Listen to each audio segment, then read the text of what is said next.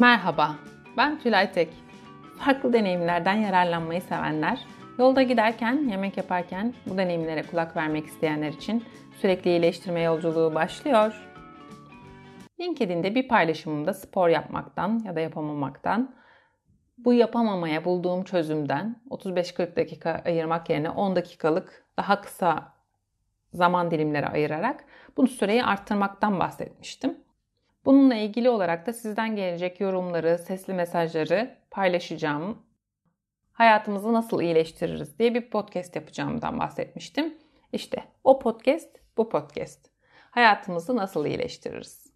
Gelen paylaşımlardan birkaçını okuyarak bu konuyla ilgili farklı yerlerde gördüğüm paylaşımları sizlerle paylaşarak devam etmek istiyorum. Merve Hanım yazmış. Ketkem öğrenmek istiyor ama kursa gidemediği için bunu yapamıyor, hayata geçiremiyormuş. Bulduğu çözüm ise internetten bulduğu videolardan yararlanarak haftada 2 saat bu eğitime, 2 saatte uygulamaya ay- ayırmaya karar vermiş, zaman ayıracakmış. Burada örnekte olduğumuz gibi bir şeye ulaşamayacağımızı düşündüğümüzde, örneğin tek düşündüğümüz şey eğer ketkem öğrenmem gerekiyor, bunun için de kursa gitmem gerekiyor. Kursa gidemiyorum, o halde öğrenemeyeceğim. Yani böyle düşündüğümüzde vazgeçiyoruz. Çoğunlukla aklımız ve gönlümüzde olan istek neyse ona çabucak ulaşamayacağımızı düşündüğümüz için vazgeçiyoruz. Kafamız hep ya hiç ya hep mantığıyla çalışıyor. Belki esnekliğimizi biraz arttırarak, karşımıza çıkan engelleri azaltarak ilerlemek hayatımızı daha iyi hale getirebilir. Instagram'da bir paylaşımda Kübra Hanım'ın bir paylaşımında görmüştüm. Motivasyon eylemi izler. Eylem motivasyonu değil. Önce eyleme geçeceksiniz, motivasyon ardından gelecek diyor.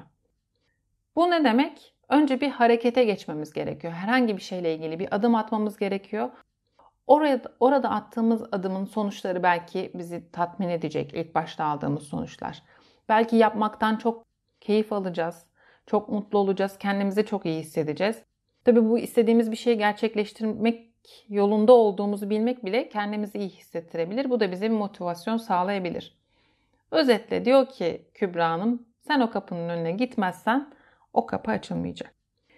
LinkedIn'de gel- gelen yorumlardan biri de Koray Bey'in yorumuydu. İnsanlar genelde küçük ya da büyük ilerlemeyi parayla kıyaslıyor. Bunun yerine düşük riskli yoldan başlayıp daha büyük risklere doğru gitmeyi düşünsek diyor Koray Bey. Su ve elektrik örneğini vermiş. Su kendine en az engel çıkartacak yolu seçer, elektrik de en az direnç gösteren yolu. Biz de dirençsiz ya da daha az dirençli diyelim, daha az, daha az engel olan yolu seçebilir miyiz? Peki iyileştirme yapmak istiyorsak en düşük riskli yolu nasıl seçeriz? Yapmak istediğimiz bir konu olsun, dil öğrenmek olsun mesela. En iyi yöntemin işte yurt dışına gidip bir sene orada kalalım. Orada hem dil kursuna devam edeyim hem yurt dışında konuşmak zorunda kalacağım için de bu dili daha çabuk öğrenebilirim diye düşünüyor olabilirsiniz. Bunun için tabii para ve zaman gerekiyor. E belki o kadar paranız yok. Belki de o zamanı ayıracak zamanınız yok. E bunları engel olarak görüp vazgeçebiliriz.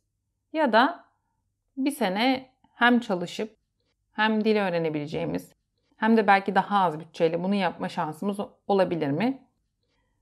Bunları sorduğumuzda bize iki yol gösteriyor bence bu. İlki LinkedIn paylaşımlarında yine Ferhat Bey'in bir yorumu vardı.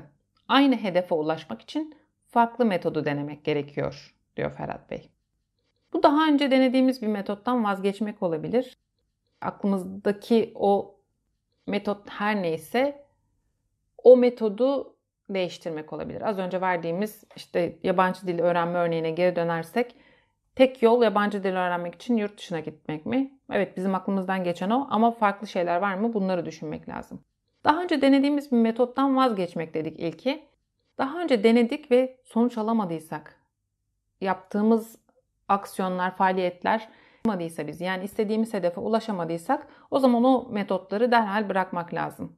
Einstein'ın da dediği gibi aynı şeyi tekrar tekrar aynı şekilde yaparak farklı sonuçlar beklemek aptallıktır demiş. Ya da deliliktir mi demişti. Aynı şeyleri tekrar tekrar aynı yollarla yapmamak lazım. İkincisi aklımızdaki metodu değiştirmek. Metodu değiştirip kendimize farklı bir yol çizmek hedefe ulaşma süresini değiştirebilir. Belki yabancı dili yurt dışına gitsek evet bir senede hızlıca öğrenebiliriz diye düşünüyoruz. Belki bunu olduğumuz ülkede yaptığımızda bir sene yerine iki sene sürebilir. Bunu da göze almak lazım. Bazen hedeflere daha uzun zamanda ulaşmaya göze almak gerekiyor. Bunu LinkedIn paylaşımında da konuşmuştuk.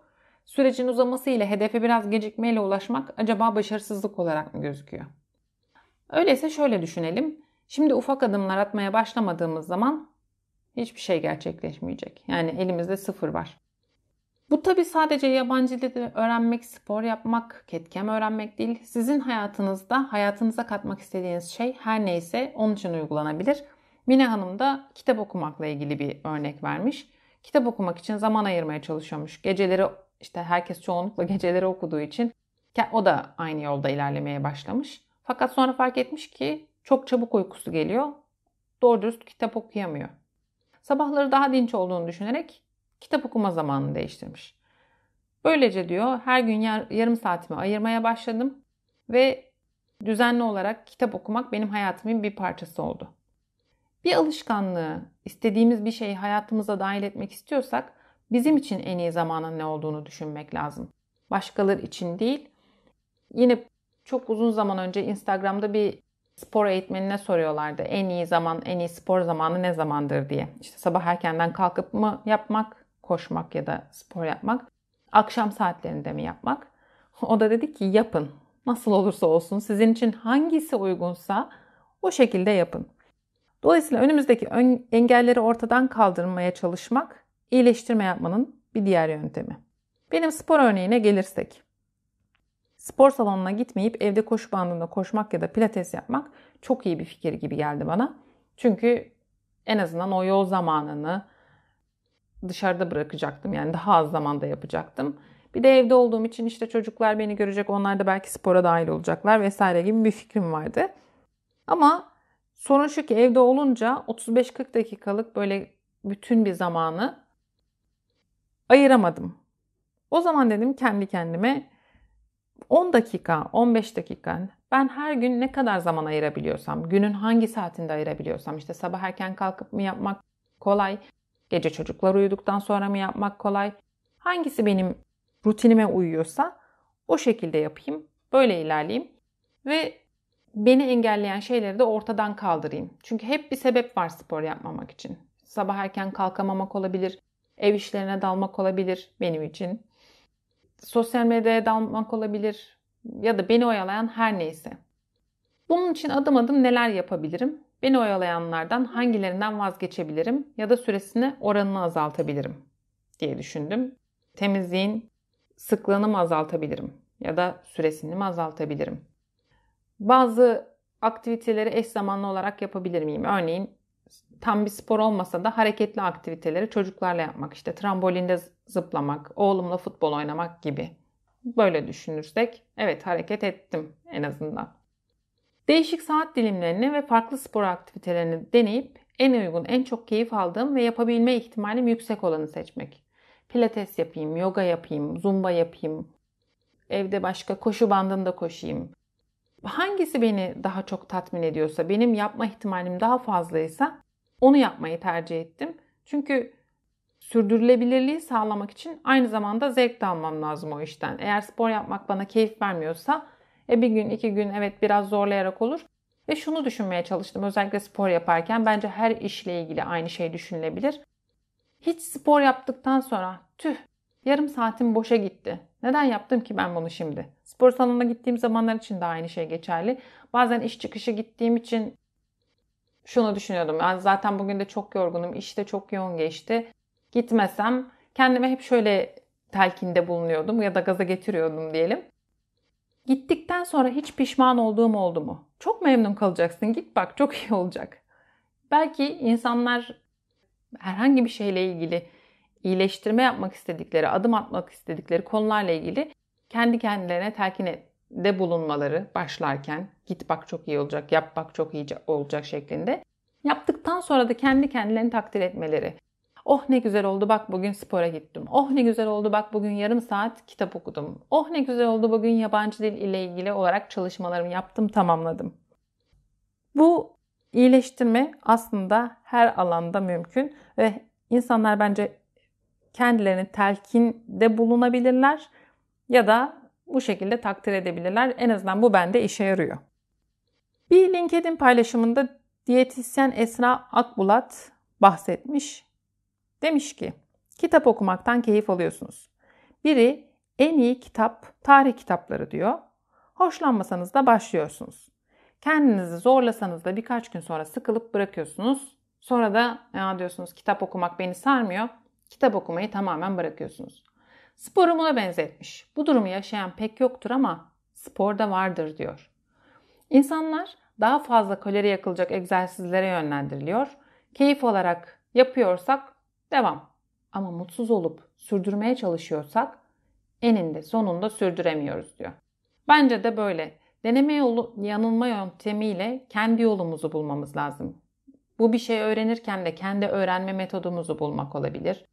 Alışkanlıklarımızı hayatımıza nasıl dahil ettiğimizi bilip o şekilde hayatımıza dahil edip ilerlemek lazım. Siz Zumba'dan hoşlanırken bir başkası pilates yapmayı tercih ediyor olabilir. Başka biri de yürüyüş yapmaktan zevk alıyordur. Herkes kendisi zevk aldığı şey neyse onu yapsın, onu hayatına dahil etsin ve kendi stiliyle yapsın bence en önemlisi bu. Evet, hayatımızı nasıl iyileştiririz için özetle bir önümüzdeki engelleri ortadan kaldırmanın yolunu aramak lazım. İkincisi o hedefe ulaşmak için kafamızdaki metotlar, yöntemler neyse bunlar olmuyorsa vazgeçmek yerine kendimize bir çıkış noktası, farklı bakış açıları bulmak lazım. Farklı yöntemler bulmak ve denemek lazım. Ben bu işi denedim, olmuyor değil. Nasıl denersem olur ona bakmak lazım. Kendi stilimizi bulmak lazım. Yani bir şeyin bir kuralı var diye sonuçta hedefimiz o şeyi gerçekleştirmek, o alışkanlığı hayatımıza dahil etmek ya da istediğimiz bir şeyi öğrenmekse sonuca nasıl ulaştığımız çok önemli değil. Tabii ki önemli süreç olarak ama kendi sürecimizi kendimiz tasarlayabiliriz. Kendi öğrenme stilimizi, kendimize uygun zamanı, kendimize uygun yöntemleri, kendimiz için nasıl ilerlediğimizde sürdürülebilirliği sağlayacağımızı düşünüyorsak öyle ilerlemek gerektiğini düşünüyorum. Evet, benim için çok keyifli oldu. Konuşmayı çok seven biri olarak. Ee, sizlerin de bu konuyla ilgili yorumlarınız olursa bundan sonraki podcastlerde de bu birinci bölümü olur. ikinci bölümünü yaparız. Sizden gelen yorumları, sesli mesajları seve seve paylaşırım. Katkınız için şimdiden teşekkür ediyorum. Bana Tülay Tek LinkedIn üzerinden de ulaşabilirsiniz. tulay.tek et yalin orta çizgi dunya.com mail adresinden de ulaşabilirsiniz. Çok teşekkür ediyorum. Umarım siz de keyif almışsınızdır.